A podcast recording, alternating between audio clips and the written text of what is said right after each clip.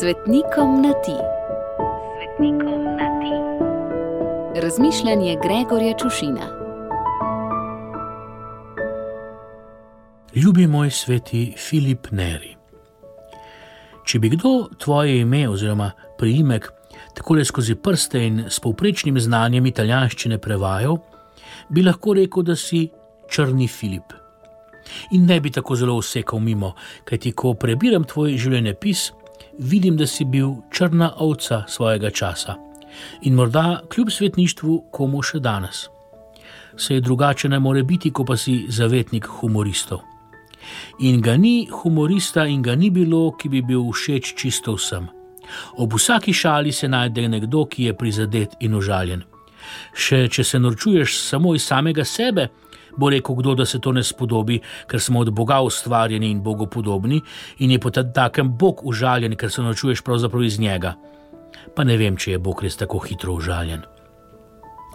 Se bo našel kdo, ki bo rekel, kako je lahko nek duhovnik in povrhu vsega še svetnik, humorist, se gre vendar za resne in svete reči. A ti, ljubi moj črni Filip, si do svojega patronata prišel zato, ker si ljudi vzpodbujal k veselju. Bodite veseli, si govoril.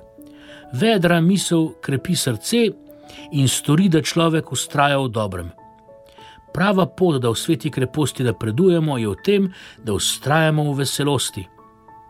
Kakšna fina misel za marsikaterega sodobnega črnogledega pridigarja.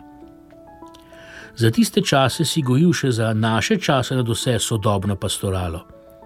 Organiziral si romanja, prirejal predavanja in koncerte, ki so se odvijali, o, to je danes mnogim hud pregrešek, če ne kar greh, kar v cerkvi.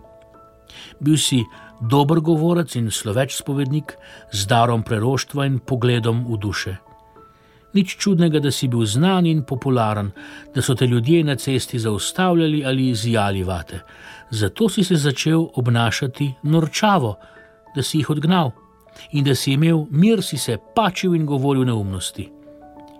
Ljudje so te, sicer čisto pravilno, imeli za svetnika, a so zato od tebe pričakovali svetniško vedenje, zamaknjenje in morda celo lebdenje. Ti pa si se naokrog na mesto v talarju sprehajal v dolgi volneni rdeči jopi in obut v velike bele čevlje.